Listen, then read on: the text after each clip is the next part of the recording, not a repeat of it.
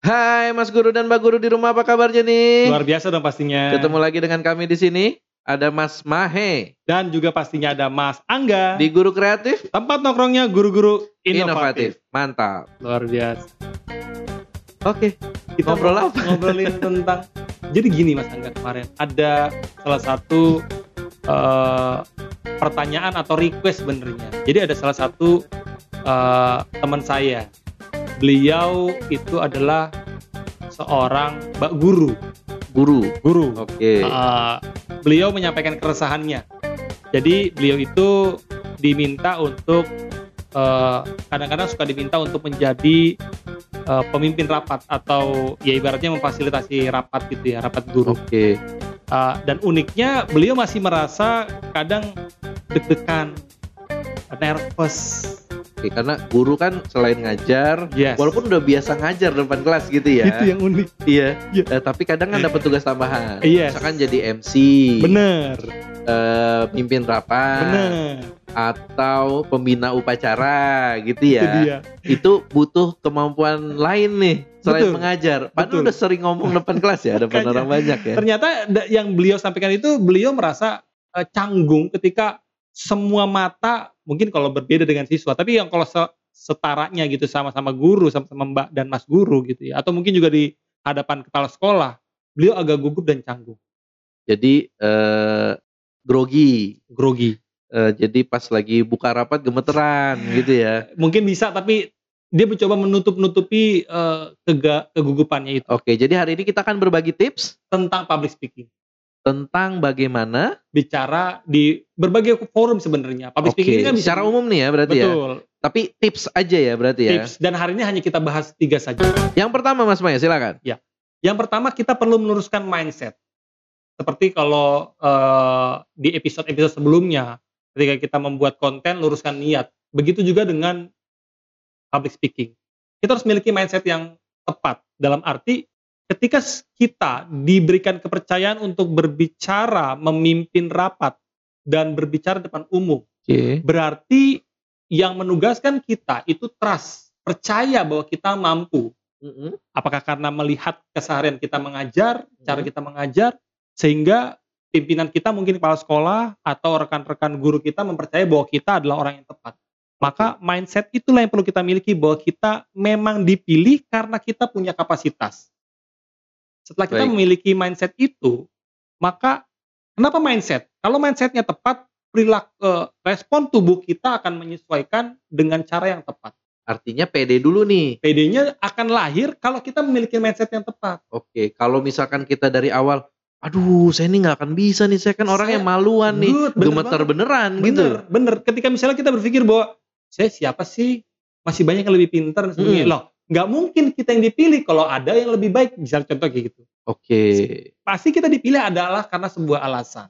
dan Dengan- alasan itulah yang harusnya menjadi dasar Betul. kita membangun mindset di diri kita Betul, bahwa saya pasti bisa. betul. Dan even kalau ada yang lebih baik daripada kita, nggak ada masalah. Toh kita bukan sedang menggurui. Oke, yang pertama mindset. Yang kedua, Mas Mahe. Yang kedua, yang perlu dipahami adalah seperti ini. Ketika kita ingin berbicara di berbagai forum, Apa pun itu ya. apa pun itu, kita perlu memahami. Saya sering sering menggunakan eh, hal-hal konsep dasar yaitu yang saya yang umumnya banyak orang sudah menggunakan yaitu 5W1H Mas Angga. 5W 1H. 5W1H kita sudah tahu apa itu 5W1H gitu ya. What, where, why, when, who dan how. Oke, 5W 1H ya. 5W1H teman-teman. itu basic dari segala hal apa pun, termasuk public speaking. Oke, yang artinya sebelum kita tampil, Ya. Berarti kita harus mendefine dulu. Kita harus bisa menyusun buat catatan kita dulu. Oke, coret-coretannya nih. Betul. Contoh sederhana, misalnya kita diminta untuk tadi kasusnya oleh yang disampaikan oleh Mbak Guru teman Yap, saya tadi. yap. Eh, kita mulai dengan pertanyaan what misalnya. Oke, Ini rapat apa? tulis tuh ya. Iya, ini rapat apa? Oke. Ini rapat membahas tentang apa? Membahas kegiatan eh outing kelas misalnya. Misalnya, ketika udah selesai pandemi gitu ya, kita mau jalan-jalan. Iya, Nah. jadi kita tahu dulu. Betul. Jangan sampai kita disuruh mimpin rapat, kita Nggak tahu tahu rapat apanya. rapat Tiba-tiba- apa? Tiba-tiba misalnya gini, selamat pagi Bapak Ibu, mari kita akan rapat tentang tentang apa? Nah, apa ya gitu. Itu nggak lucu. Betul betul. Jadi Fatal. harus harus tahu apa rapatnya Betul. atau apa acaranya. Betul.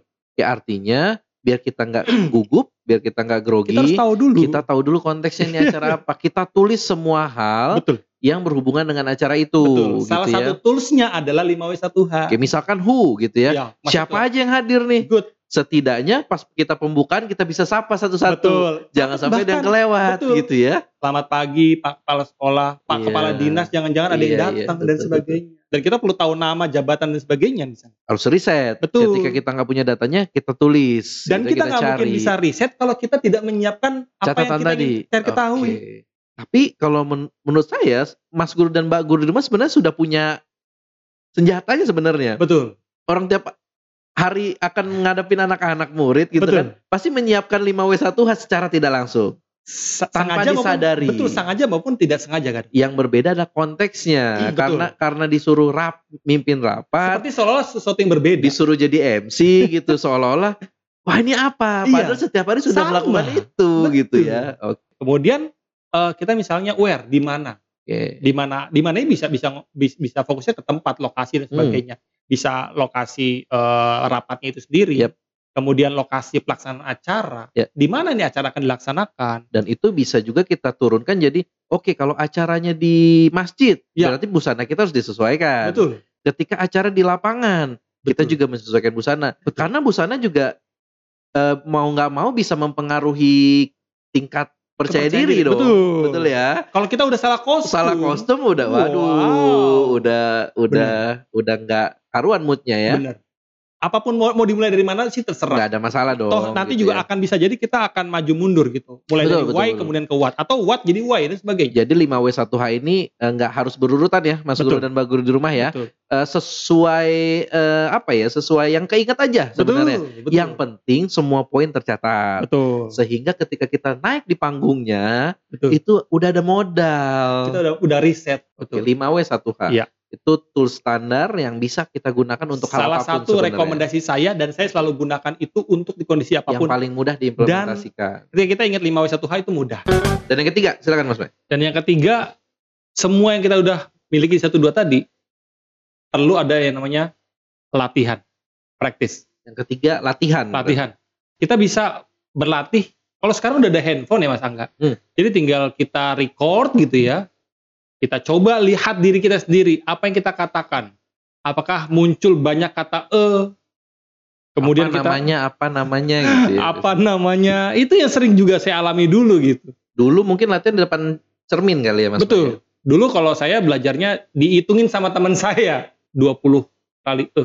20 eh, Dihitung. dihitung. Dihitung. Biar nggak terulang lagi gitu. Biar tahu terlalu banyak aja. biar tahu berapa kali kita lossnya gitu Betul. ya. Jadi sebenarnya mungkin agak agak sulit untuk menghilangkan kata e, tapi Ya. kalau kita bisa minimalisir suatu hal yang bagus.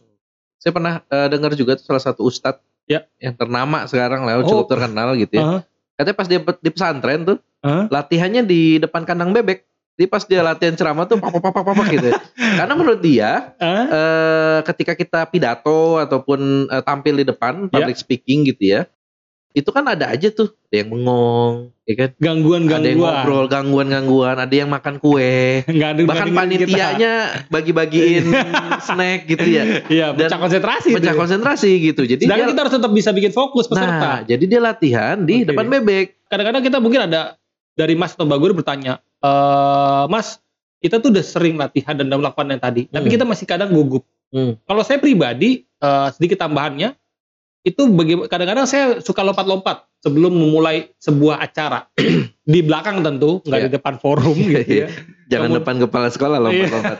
Kemudian kadang-kadang saya hentak-hentakan tangan Hmm. untuk membuat apa ya eh, emosi atau deg-degan itu nggak terkumpul di satu di satu titik saja. Semua Oke. bisa tersalurkan dan akhirnya bisa jadi lebih rileks mas. Kalau saya zamannya ngajar-ngajar dulu, Ah. sebenarnya kalau ngajar orang dewasa yang Ah. jumlahnya bisa Banyak. 50, 100 orang gitu ya.